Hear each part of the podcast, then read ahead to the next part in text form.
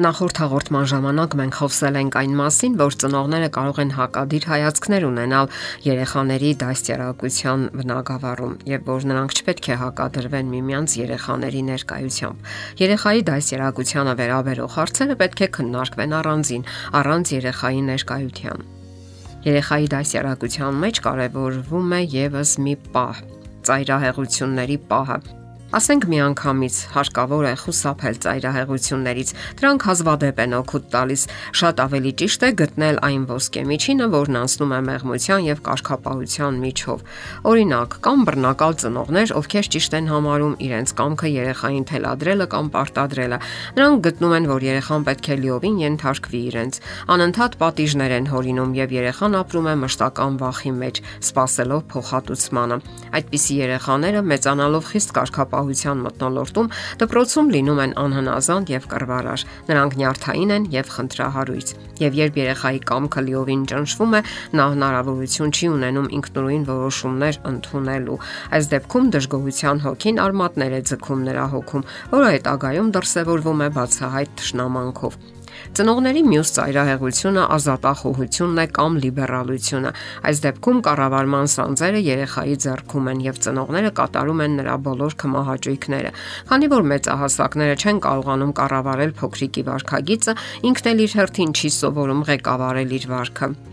Ասենք որ նման երեխաները ճափազանց դժվար են ենթարկվում կարգապահական կանոնների։ Նրանց անսանձ վարքի պատճառով ծնողները հաճախ են կատակների ու ծաղրի առարկա դառնում շրջապատում, եւ երկար շարունակվելու դեպքում ծնողները շփոթահար են լինում։ Նրանց նյարդերը մշտապես լարված վիճակում են, խուսափում են երեխայի հետ հասարակական վայրերում երևալուց։ Նման երեխան չի հարգում ոչ ծնողներին, ոչ էլ շրջապատի մարդկանց։ Վերջին հաշվով նրա մոտ կարող են ավելի շատ հուզական ապրումներ առաջանալ ունենալ կամ բռնակալ ընտանիքում դասյարակված երեխայի մոտ։ Ծնողական ազատությունը ոչ մի տպավորություն չի գործում երեխայի վրա, քանի որ նա հետևություն է անում, թե ինքը պարզապես չի հետաքրքրում ծնողներին։ Նա դադարում է հարգել ծնողներին, ովքեր կամքի ուժ չունեն, ընդունելու անհրաժեշտ բարոյական որոշումներ։ Նման ազատությունը եւս չի օգնում երեխային, երբ նա անում է իր սրտի ուզածը։ Հաջորդ ծայրահեղությունը ծնողների սիրո բացակայությունն է տարբեր հաստատություններում կատարված հետազոտությունները հաստատում են ծնողական սիրո եւ ուշադրության երկարատև նշանակությունը երեխայի կյանքի առաջին տարիներին։ Հոկեբան բժիշկ Ռենե Շպիցը 3 ամիս հետևել է մանկատան լքված երեխաների վարքագծին եւ հակազդեցություններին այս կամ այն երևույթի հանդեպ։ Այս մանկատան անձնակազմը խիստ ծանրաբեռնված է եղել եւ յուրաքանչյուր նորածին շատ քիչ սեր ու խնամք է տեսել։ Ըստ հոգեբանի դիտարկումների նորածինների 30%-ը մահացել է կյանքի առաջին տարում։ Նա այսպիսի հետևություն է արել. Հուզական բավարարում չստանալով երեխաները մահանում են։ Հուզական քաղցը պակաս վտանգավոր չէ, քան ֆիզիկականը։ Նա սپانում է դանդաղ, բայց ոչ պակաս հաջողությամբ։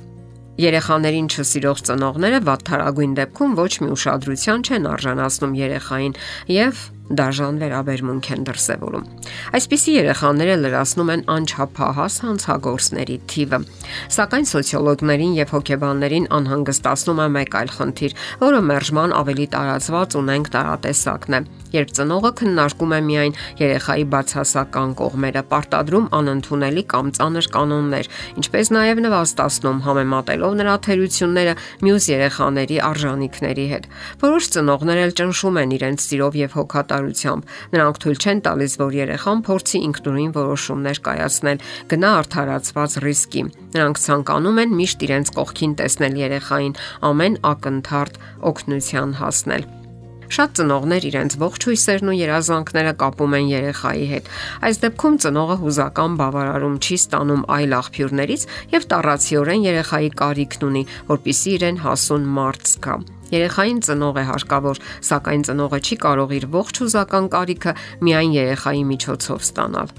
Սեփականատիրական հակումները խիստ հոգատարությունը կամ ծայրահեղսերը անգիտակցական մերժման քողարկումն են Պետք է պարզապես հիշել, մենք չենք կարող երեխային պաշտպանել կյանքից, նրա բոլոր նենք հարվածներից։ Մենք պետք է նրան սովորեցնենք, որ քաջաբար կրի կյանքի բոլոր կենսական դժվարությունները։ Ահա սա է ծնողի հիմնական պարտքը՝ սիրել երեխային, հարգել նրա արժանինքները, խուսափելով ծայրահեղություններից եւ նրան պատրաստել կյանքի դժվարություններին։ Հարվարդի համալսարանի հոգեբանության պրոֆեսոր Արմանդ Նիկոլին գրում է. Վաղ մանկության փորձառությունը սահմանում է մարդու բնավորությունը, նրա պատկերացումներն իր մասին, հայացքներն ու զգացմունքները այլ մարդկանց հանդեպ, նրա բարոյական արժեքներն ու սերտ, ջերմ ու տևական հարաբերություններ հաստատելու ընտունակությունները, որոնք անհրաժեշտ են սեփական ընտանիք կազմելու համար։ Այդ փորձառությունը սահմանում է նրա վերաբերմունքը իշխանությունների եւ բարձրագույն հեղինակության հանդեպ իր կյանքում, ինչպես նաեւ այն, թե ինչպես է նա պատկերացնում իր գոյության իմաստը։ Ոչ մի բան ավելի չի ազդում մարդու կյանքի վրա, քան այն փորձառությունը, որն ապրել է իր ընտանիքում։ Դե ինչ, ամուսիններով պետք է գաք ընդհանուր հայտարարի, ընդհանուր համաձայնության եւ լինեք երեխայի լավագույն օրինակն ու բարեկամը։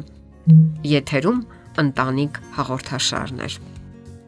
Հարցերի եւ առաջարկությունների համար զանգահարել 033 87 87 87 հեռախոսահամարով։